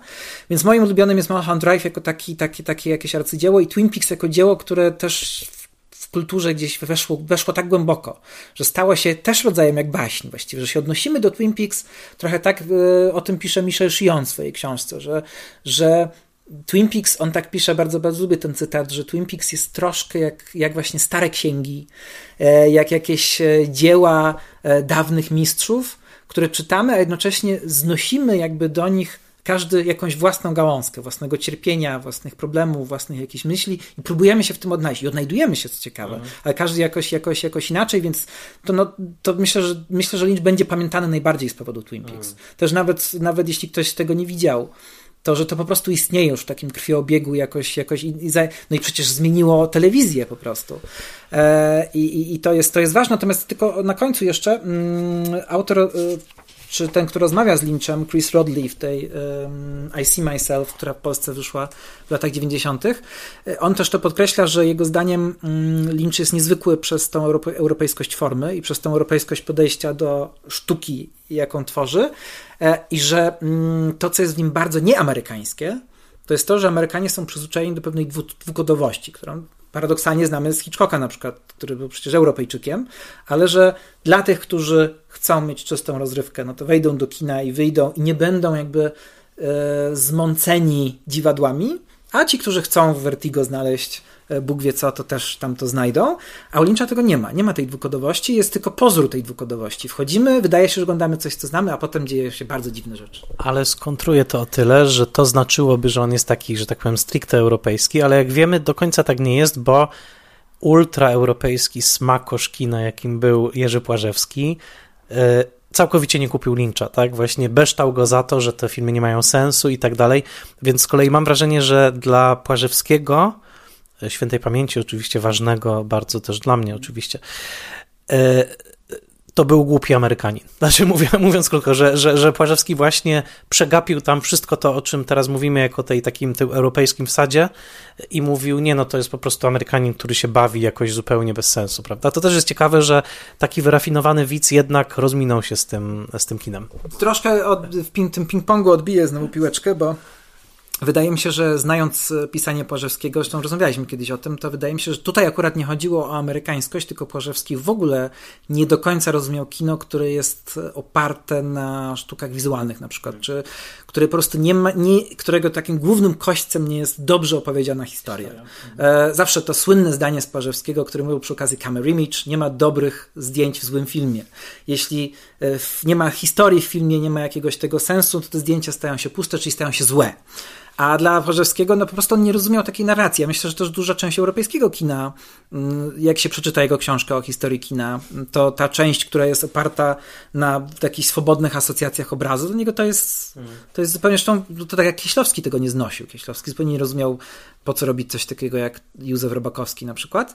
Ale z drugiej strony, jeszcze w inną stronę odbijając piłeczkę, no to jednak Lynch zawsze wychodzi od gatunku. Znaczy, przynajmniej w tych najbardziej znanych filmach, prawda? Bo, bo takie bardziej projekty undergroundowe są już trochę inne, ale on się stara nawet jak bardzo dekonstruuje, jak bardzo się nie miesza tą formą po europejskiemu, po awangardowemu, to mm, jak punktem wyjścia jest coś bardzo amerykańskiego, bardzo gatunkowego i to chyba też sprawia, że to jest reżyser cały czas obecny w mainstreamie.